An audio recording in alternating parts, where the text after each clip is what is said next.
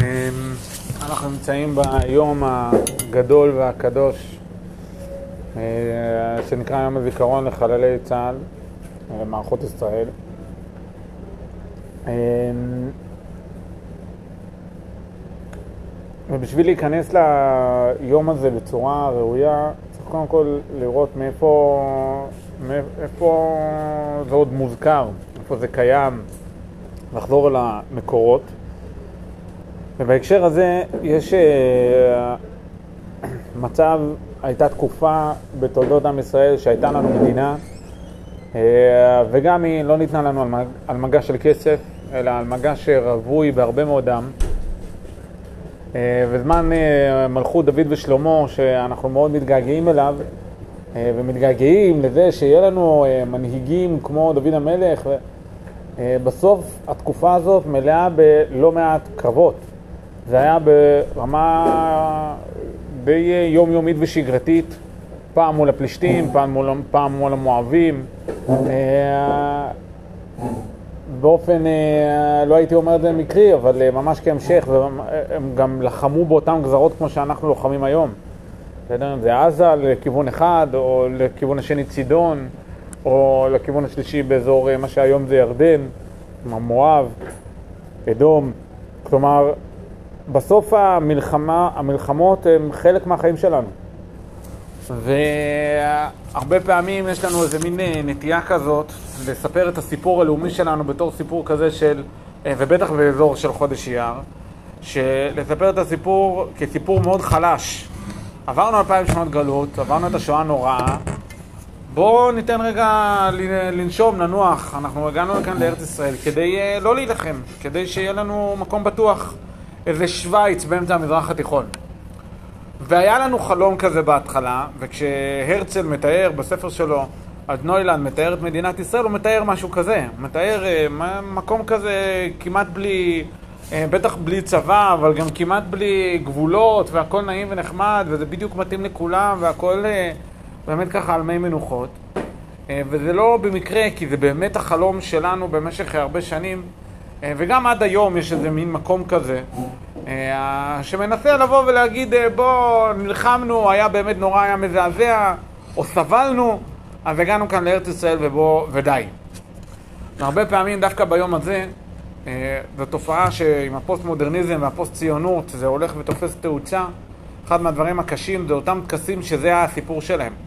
שהסיפור של טקסי יום הזיכרון איננו יום מלא בגבורה ובעוצמה, אלא יום מלא בחולשה. כלומר, אנחנו סבלנו, ויאללה, בוא נגיד די.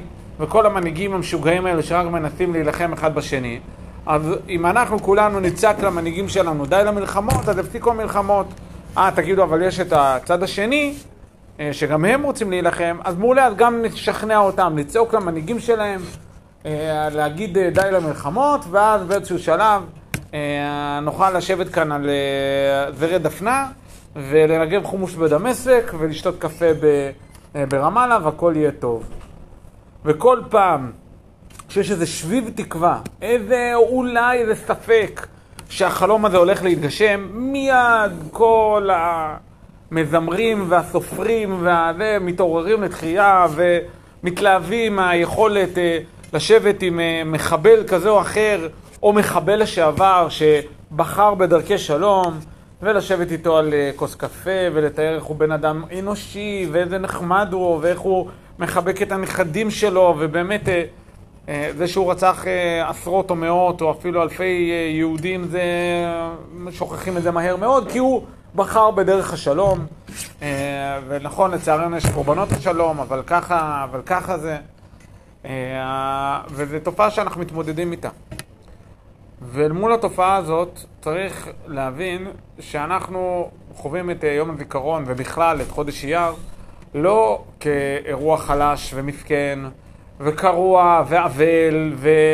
אלא מתוך מקום מלא בעוצמה, מלא ברוממות. ולכן, כשמדברים על המושג הזה קינה, כן, אדם נושא קינה, הרבה פעמים זה איזה מין מקום ככה מכונס, קשה, אבל, בואו ניפגש עם קינה, איך שדוד המלך ניגש לקינה. איך איש המלחמות, שהוא כל כך מסומן כאיש המלחמות עד כדי כך שהוא לא יכול לבנות את בית המקדש. איש המלחמות, איך הוא ניגש למשהו כל כך, אה, כל כך אה, אה, קשה, כמו אובדן של חברים לנשק, מפקדים לנשק, וגם פקודים לנשק. הוא לא מזכיר כאן פקודים, אבל זה על אותו עיקרון. איך ניגשים לזה? וחשוב לציין, וזה משהו מדהים, שאת הקינה הזאת לא נושאים ממקום אישי. כי הנה, נרא... הנה אנחנו יכולים לראות מה קורה כשאותו חייל, אתה חייל או מפקד, אתה לא אוהב אותו. רגע לפני שהוא נפטר לא אהבת אותו, או לחילופין הוא החבר הכי טוב שלך. האם יש הבדל בין שני, בין שתי הדמויות האלו, או שהיחס הוא שווה? ויקונן דוד את הקינה הזאת על שאול ועל יונתן בנו. זה מדהים הדבר הזה. עצם זה ששמים את שניהם באותו אותו מקום. שאול רדף אחרי דוד. כמעט הרג אותו כמה פעמים. הוא הקדיש כל כך הרבה כוחות ואנרגיה כדי להרוג את דוד המלך. יונתן, לעומת זאת, היה הנפיך, יורש העצר, שתומך בדוד המלך, ורוצה שדוד יהיה מלך, ומגונן עליו בגופו ממש, וכשהוא דור, מגיע לעימות מול אבא שלו על, על שלם, של, שלומו של דוד, אז אבא שלו לוקח M16, דורך ויורה עליו במקרה מפספס. החליפו את ה-M16 בחנית, אבל זה מה שקרה. והוא, אותו יונתן ודוד, הם הסמל שלנו לאהבה שאיננה תלויה בדבר. כלומר, ויקונן דוד את הקינה הזאת על שאול ועל יונתן, הבנתם? זה בכלל לא קשור מה מערכת היחסים איתו, עם אותו חייל. זה בכלל לא, זה בכלל לא מרובד אישי. זה בכלל לא בגלל מה מתאים, מה, מה מערכת היחסים שלך עם אותו חייל או לא. אם אתה כן בן דוד או לא בן דוד, אם אתה כן חבר או לא חבר, אם אתה כן דוד, זה לא, זה לא רלוונטי בכלל. מבחינתך, שאול ויונתן באותו מקום. למרות שמשאול אכלת מרורים, ומיונתן בעיקר אכלת מצות. היה נחמד, היה נעים, היה טוב, הייתם החברים הכי טובים שיכולים להיות. נכון. זה בכלל לא קשור למקום האישי שלך. וזה קשה, כי אני, אני אתן דוגמה. בסוף כשאני מדבר על, על היום הזיכרון לחללי מערכות ישראל, בסוף יש לי גם נקודה אישית. גיסי הוא אח שכול ובן שכול. אבא שלו נפל ביום כיפור, ואח שלו נפל בלבנון. ולאח שלו, השם ייקום דמו, קראו משה. וכשהיינו בטקס, עכשיו, ושרו על משה, החייל האבוד מלבנון, היה לי באופן אישי קשה. למה? כי הוא קרוב אליי. כי בכל, זה יוצא פסח, כל פסח ויום הזיכרון, שאז הוא נפל, כל פסח וכל יום הזיכרון, בסוף אנחנו עולים או נכנסים לטקס, משהו, על משה ועל uh, מאיר. בסוף יש לי נגיעה אישית. ואחד מהדברים שאותו אנחנו צריכים לעבוד עליהם, זה לצאת מהמקום האישי. זה לא, זה לא הדיון כמה אתה קשור או לא קשור לאותו חייל שנפל, אלא לראות את הדבר הכלל ישראלי שיש פה. שאגב מקשר את זה אליך. ואז הוא בא לקונן קינה על שאול ועל יונתן. מאיזה שבט הם? שבט בנימין. משפט הבא, ויאמר ללמד בני יהודה קשת. הנה כתובה על ספר הישר. מה זה ספר הישר אגב? כל התורה? ורגע, שוב, ללמד בני יהודה, אתם משבט בנימין? למה בני יהודה צריכים ללמד? אגב, גם למה דווקא קשת? כאילו, אולי חרב, אולי מלחמה. דוד מלמד דבר מדהים. כשאתה יוצא מהמקום הפרטי שלך ונפגש עם כלל ישראל, אתה מגלה עולם אחר. יש משהו מאוד ישר, מאוד מוסרי, מאוד ערכי, מאוד גבוה, מאוד מעצים, ברגע שבו אתה יוצא מהמקום האישי שלך ורואה את כלל ישראל. אתם שבט בנימין, ואנחנו שבט יהודה, ויכול להיות שתהיה יריבות. אגב, יריבות אמיתית, על מי יהיה מלך. ואני, בן של שבט יהודה, הולך להיות יורש העצר במקום, אני הולך להיות המלך במקום שאול, ו... שאול ויונתן, כלומר שושלת בנימין. ובמקום להיות עסוקים במלחמות של כוח ואגו, היציאה מהאזור האישי שלי אל כלל ישראל, פתאום מה מלמדת? שיש בין, בינינו משהו משותף. והנה שאול ויונתן מלמדים את בני יהודה איך להילחם. אה, אבל הוא לא בדיוק ב... ב... בשטנץ שלי, הוא לא בדיוק דומה אליי. אני עירוניסט והוא בכלל מהכפר. אני ספרדי והוא אשכנזי. אני ימני והוא שמאלני. אני ככה, אני דתי והוא חילוני, אני חרדי והוא... לא, אין את זה. וזה אחד מהדברים, או אולי הדבר הכי מדהים בצה"ל, זה העובדה שפשוט אין את זה. כולם ביחד, כתף אל כתף, בואכה שדות הקרב, ואנחנו שותפים פה, ועובדים ביחד. ולפעמים זה מוציא מהכלים, ולפעמים זה מעצבן, ולפעמים זה מאכזב, אבל רק ככה אנחנו נעשה את זה. לא רק בגלל שלא יודע מה, סדרי הכוחות תהיה יותר, זה בכלל לא הדיון. זה כי זה האירוע. היציאה אל הקרב והמוכנות להתמסר למען אחרים דורשת את כולם בתוך זה. הנה כתובה על ספר הישר. ספר הישר, יש מחלוקת בגמרא, בעבודה זרה דף כ"ה, מדברת, הגמרא שמדברת על, ה, על מה זה ספר הישר. אחת מהשיטות, השיטה הראשונה, ספר בראשית. ומה זה ישר? הישרים, אברהם, יצחק ויעקב.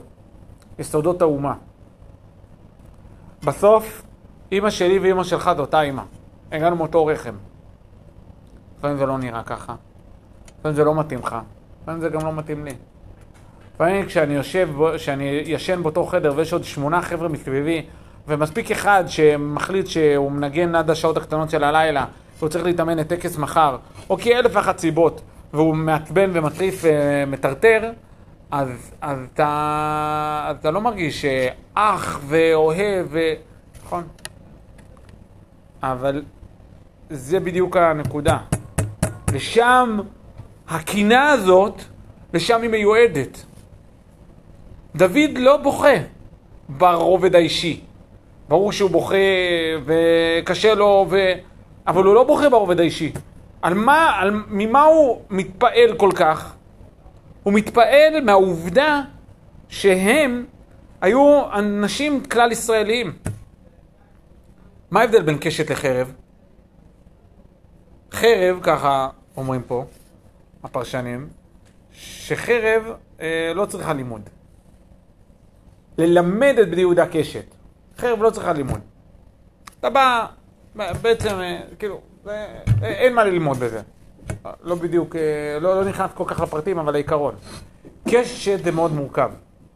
קשת זה מדויק, אתה צריך להיות, אתה צריך להשקיע בזה. אתה צריך לדעת איך לראות בקשת, זה לא ככה, אתה לא לוקח זה. לכוון, ויש רוח, ומרחקים, ולאמוד את זה, ובטח אם אתה עושה את זה תלול מסלול. וזה מה שאתה צריך לדעת איך לעשות אותו. ובשביל ללמד, אתה צריך אה, שלווה, אתה צריך רוגע. אתה לא יכול להיות בקרבות. אתה אין... אתה, ללמד זה בנחת, יש שקט מסביב, אתה מרוכז בדבר ואתה לומד משהו חדש. וכל לימוד הוא, הוא דורש את, ה, את ההתרכזות שלך ואת הכניסה שלך לתוך האירוע הזה כדי ל, לדייק אותו, כדי להיות, כדי להתפתח למשהו, למשהו חדש, זה קשת. וללמד את בני יהודה קשת אומר שאנחנו עסוקים, שהגענו לרמה כל כך גבוהה של שלווה, של, של יכולת להגיע לצד השווה שבין כולנו, עד כדי כך שיש זמן ויש יכולת ויש פניות ל... להיות עסוקים בקשת. לא רק להיות עסוקים ב... רק ב... בחרב, הקל, שגם תוך כדי uh, המולה, קדימה, קח את החרב uh, ורוץ. אלא, אלא, תעצור רגע, ובוא שנייה נסתכל על זה, ובוא נתאמן על זה, ובוא נלמד איך לעשות את זה. ומתוך ה... ה ומתוך ה... ובסוף, אם אתה מקצוען, אז בסוף אתה גם תצליח להוכיח את זה בשדה הקרב. אבל בשביל זה צריך הרבה מאוד שלווה. הרבה פעמים, כחיילים בצבא, אתה ממש מרגיש ככה. זה נראה כמו איש של שפיות בתוך ים של כאוס וריבים. אתה כחייל בצבא, אתה נמצא לידך, אה, משרת לידך חייל שעלה מברית המועצות לשעבר, אה, חייל אחר שהגיע, שהוא בכלל, אה, הוא ספרדי, זה, זה עלה מאתיופיה, זה, זה, זה, זה, זה, כל אלו נמצאים במחלקה שלך. ואז אתה יוצא מהבסיס, פותח חדשות ושומע איך הפוליטיקאים מהמגזר ההוא מלכלך על הפוליטיקאי השני, ואיך זה, ו, וכולם רבים נגד כולם, ו, ופתאום ברגע שאתה נכנס לתוך ממש איש של שלווה, איש של רוגע, אתה פתאום כל, מעריך את זה. כמה זה דבר נפלא שיש אנשים, יש מקום נורמלי גם במדינת ישראל, שלא עסוקים כל הזמן במריבות ובאינטריגות ובמלחמות. זה יכולת שצריך לקנות אותה. אי אפשר להגיע לצבא עם זה. צריך לבנות את זה מראש. אי אפשר לה, לבנות את זה שם. אתה צריך להגיע ככה. ללמד את בני יהודה קשת. ללמד, להגיע למצב כזה שאתה מסוגל לעבוד בשקט וברוגע עם אנשים סביבך גם כשאתם לא תמיד מסכימים, גם כשלא תמיד הכל uh, תותים. וזה יכולת, יכולת מאוד מורכבת. אבל מה עם הצמיחה? עם הצמיחה סוג מסוים של אנשים. הצבי ישראל, על במותיך חלל, איך נפלו גיבורים. אתם יודעים, יש איך נפלו גיבורים. מה זה השאלה הזאת? מה זה איך נפלו גיבורים? מה זה איך נפלו גיבורים? מה? מה זאת אומרת? אני אסביר לך, יש חטא שהוא פוגע בו והוא מת. כאילו אמירה שלא מצפה לתשובה. נכון, אבל מה השאלה? ברור שאתה לא מצפה לתשובה, ברור שזו שאלה רטורית, אבל מה בעצם התמיהה הזאת? תמיהה שמה? למה זה לא... זה מאוד הגיוני. אז בגלל הצדקות שלהם הם לא אמורים למות? מה?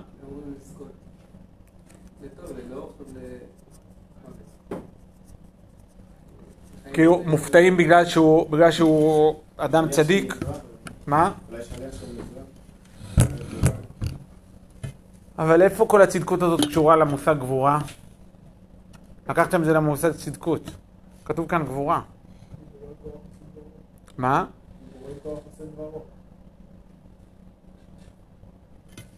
יש איזה... זה אחד מהדברים שהרבה פעמים אתה רואה כשמפקד נהרג, מ"פ נהרג, מג"ד נהרג או משהו כזה, הרבה פעמים אתה שומע את, ה, את הפקודים שלו אומרים את זה. הם לא תמיד יודעים לומר את הפסוק, אבל הם אומרים את אותה אמירה. אמרו, זה כאילו לא הגיוני. זה, זה אין מצב. אין, אין מצב שהוא מת. עכשיו, כשאתה רגע עוצר, שנייה בוא רגע נחשוב על זה לוגית, הגיונית. אתה יודע, הוא בסוף ימות, כן? גם הוא בן אדם. אמנם מ"פ, אבל הוא בן אדם. אז יום יבוא, ולא משנה, בקרב, לא בקרב, הוא ימות. אז מה זה, מה זה התמיהה הזאת? כי מוות זה חידלון. ואדם שדורש מעצמו הוא לא חדל. הוא לא נעלם. הוא מתמודד, יש קושי, והוא נמצא שם. כשאנחנו כולנו ביחד זה מייצר חוסן להתמודד עם אתגרים. כשכולנו נמצאים בצורה משותפת, עובדים ביחד, זה יכול להיות אלף ואחת משברים, רעידת אדמה, טילים יכולים ליפול, אנחנו ביחד נדע להתמודד. ואז כשאתה יודע איך להתמודד, אז אתה לא, אתה לא נשבר, לא כל זעזוע מפיל אותך לארץ. לא, אתה יודע, אתה, אתה יכול לספוג את זה. ואחד מהדברים שכשפקוד מסתכל על המפקד שלו, זה אחד מהדברים שכל פעם יש איזה אירוע שהפקוד לא יודע איך להתמודד איתו, החייל לא יודע מה, מה, מה קורה, מה עושים עכשיו, ואז בשלווה ובביטחון מגיע המפקד ומוריד את ההנחיה ודברים מתחילים להסתדר. כמו הורה וילד. זאת הסיבה שבגללה מוות של הורים זה אירוע מאוד קשה. כי זה כאילו, אני, אני כל הזמן נסמך עליהם. כשסבתא שלי, זיכרונה לברכה, נפטרה, אז אבא שלי אמר לי, הוא אמר לי, תקשיב, זה ממש קשה. עכשיו, הוא היה סבא כבר. זה לא שהיא נפטרה, ברוך השם היא נפטרה בגיל 93, זה לא שזה היה בגיל צעיר. היא ראתה, זכתה לראות נינים. אבל בכל זאת, מה, ש, מה שהוא אמר זה שאני לבד בעולם. אמנם אני חי בישראל והיא חיה בכלל בבריטניה, והקשר שלנו ברמה של... אה, למרות זאת, אני זקוק לאימא.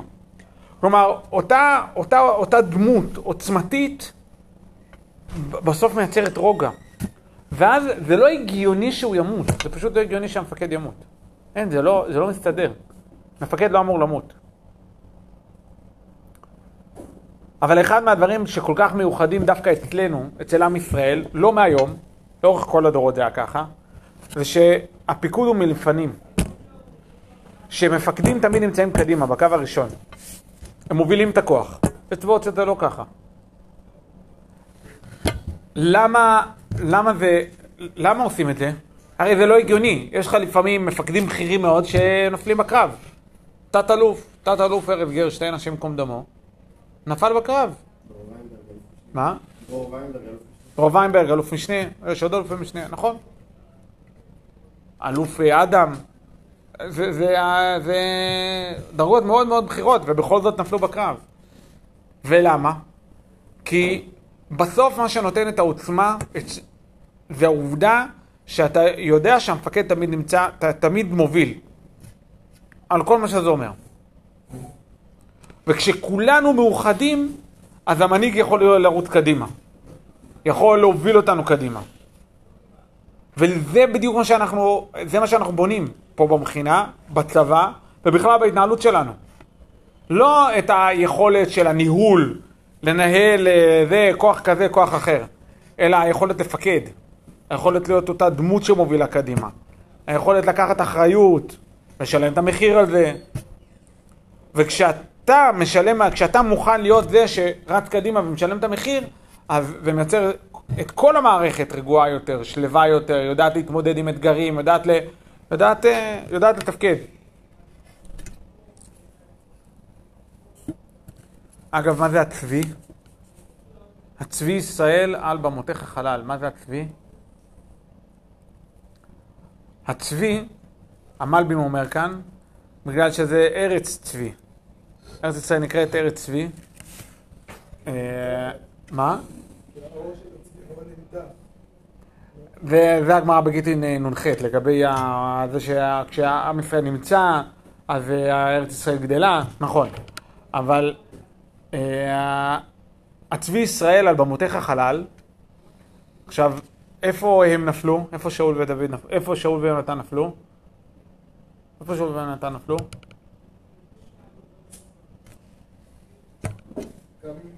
מה? בקרב מול פלישתים, איפה?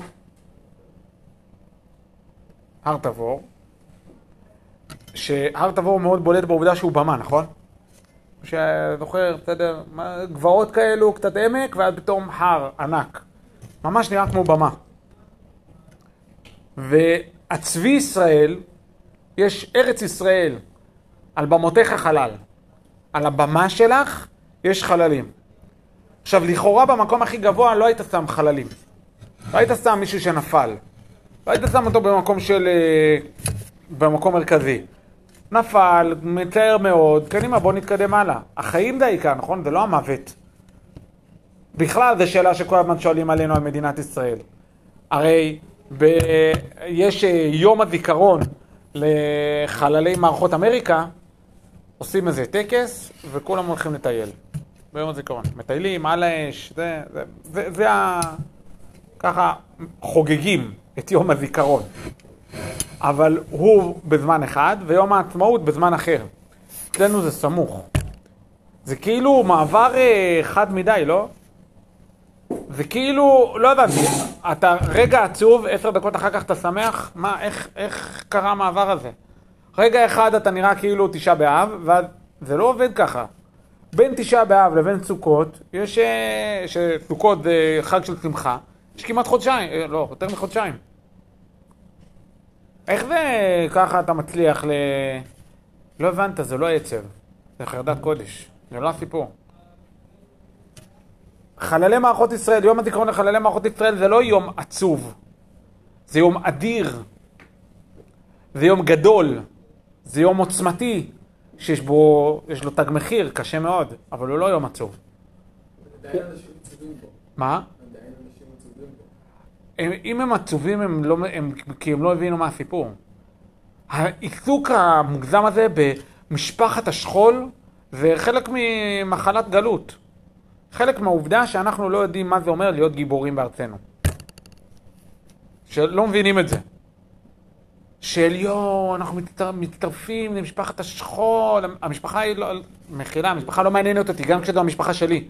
אני לא יכול להצטרף למשפחת השכול, כי עצוב על זה ש-24 אלף אנשים כאילו, נלחמו על המדינה, אבל. מחילה, אני יותר עצוב ביני, בינינו, הרבה יותר מעציב אותי 20 אלף ומשהו, 20 ומשהו אלף, שנהרגים אה, כל עשור על עישון במדינת ישראל.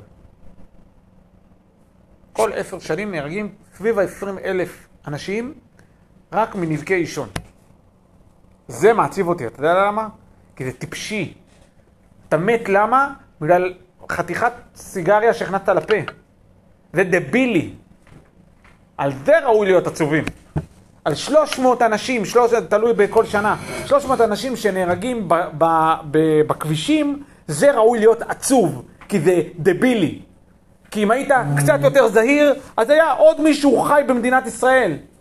שזה יכול להיות אתה, זה יכול להיות אנשים סביבך, זה יכול להיות סתם ילד שדרסת ברחוב. זה סיבה להיות עצוב.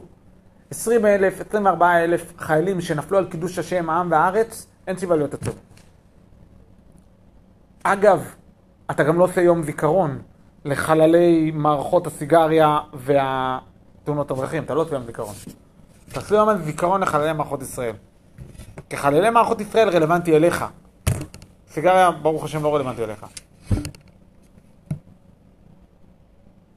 זה לא, זה לא בגלל שזה עצוב. בסוף כשאתה עומד מול ילד שנהרג בתאונת דרכים, אתה אומר, זה מרתיח. זה איפשהו בין עצב לכעס. זה, מה ש... זה הרגשות שצריכים להיות שם. כשאתה עומד מול חייל שנפל בפעילות מבצעית בעת מילוי תפקידו, אתה... זה הערצה. זה הרגש הנכון. זה בכלל לא עצב. לא אמורים להיות עצובים ביום הזה. צריך להעריץ, צריך להעריך, צריך להתפעל, צריך לעשות חשבון נפש, איך אתה נהיה דומה לזה, אבל זה לא להיות עצוב. מי שעצוב זה בגלל מחשבה גלותית טיפשית, עם זה פתחנו, שסבלנו בגלות, ואיזה עלובים ומסכנים היינו, ומתו לנו כל כך הרבה בגלות, והגענו כאן לארץ ישראל ורצינו שיהיה הכל תותים. ולמה פה אנחנו צריכים להילחם? בואו נעבור לשוודיה. בואו נעבור לשוויץ. ולא מבינים ש... תצאו מהסרט הזה. תצאו מהדמיון הטמא הזה, כאילו יום יבוא ואנחנו נשב פה על אה, עלי דפנה, והאחמדים והמוחמדים, אה, אנחנו כולנו, יהיה לנו נעים ונחמד פה. אין, לא יהיה כזה דבר. לא יהיה כזה דבר. כן, על חרבך תחיה. כן, זה בדיוק מה שיקרה. על חרבך תחיה, וגם הנכדים שלי יילחמו בצה"ל. וכשאני הייתי ילד, גדלתי לאור הסכמי אוסלו, ו- ואמרו לי, כשאתה תגיע לגיל שאתה תהיה חייל, אתה כבר לא תצטרך להתגייס לצבא. אני, המחזור גיוס שלי הוא מי שנלחם במלחמת לבנון השנייה. לא צריך להיות בצבא. נו. יש לפקפק, בוא, נקרא, בוא נגיד את זה ככה. אז לא, גם הילדים שלי, וגם הנכדים שלי, וגם כנראה הנינים שלי, יחזיקו נשקים מסוגים שונים, ויילחמו על הזכות שלהם לחיות כאן בארץ ישראל. כן, זה מה שיקרה. וכדאי שנשלים עם זה. ולא רק שנשלים עם זה, גם נשמח עם זה. ושכל פעם שאנחנו ניגשים לנושא הזה, לא נתמלא ברגשי מסכנות והתקרבנות, אלא רגשי הערכה והערצה. ואז כשאתה מעריץ את הדבר הנפלא הזה, שאותם לוחמים מסרו את נפשם בשביל זה, אז אתה, אז אין פתיח יותר טוב בשביל, אה, אין פתיח יותר ליום העצמאות יותר טוב מאשר זה. לא במקרה בחרו, גם בגלל זה, בגלל מה שאמרתי עכשיו, אבל בחרו את ד' באייר מעוד סיבה. מה הסיבה הנוספת, למה ד' אייר זה יום הזה כמו לחללי מערכות ישראל? נפילת גוש עציון. מה? בלי קשר ליום העצמאות, נפילת גוש עציון. גוש עציון נפל ביום חמישי, הפקודה, מלכה נפלה, בסדר? שגוש עציון נפלה, זה נאמר, זה ביום חמישי, בצהריים. יום שישי, גם צהריים, הוכרזה מדינת ישראל, ה' באייר תש"ח. חודש לפני זה... היום בצהריים כאילו... כן, פחות או יותר עכשיו. חודש לפני זה, מפקד הכוחות שלנו בגוש עציון, מוש, קראו לו, אה, ספד לאחרי, להרוגים, לחיילים שלנו שנפלו, אני זוכר נכון 11 שנפלו באחד מהקרבות, ואז הוא אמר שם, כאילו, הוא חתם את ההספד בנצח ירושלים. בזה שאויבינו רוצים ל, ל, ל, ל, ל, שאנחנו נרפה את ידינו, ואנחנו נילחם, ואנחנו לא זזים מכאן. וזה המסר, שאנחנו צריכים לצאת איתו, לבוא, להיכנס אליו ליום הזה וגם לצאת איתו. שלהבין שכן, הצבי ישראל על במותיך חלל, אני רוצה לשים את החלל על הבמה. לא בגלל שאני מקדש את המוות, אלא בגלל שאני מראה שיש כאן ערך כל כך אדיר למדינה הזאת ולחיים פה, ששווה אפילו למסור את הנפש הזה. חיים כל כך אדירים, זה דבר כל כך גבוה, עד כדי כך שכן, צריך, צריך וראוי ונכון ומוערך למסור את הנפש. כמובן, אנחנו רוצים למסור את הנפש בלי למות, למסור את הנפש בחיים, אבל, אבל אנחנו מוכנים למסור את הנפש.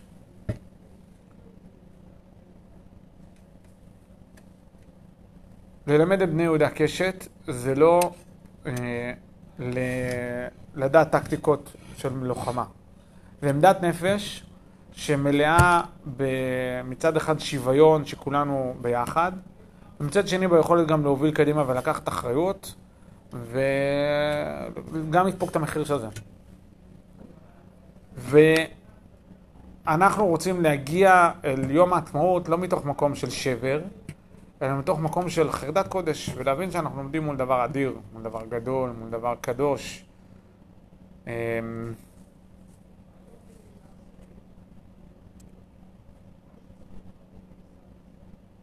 ולוואי. ככה לכולם, בשורות טובות.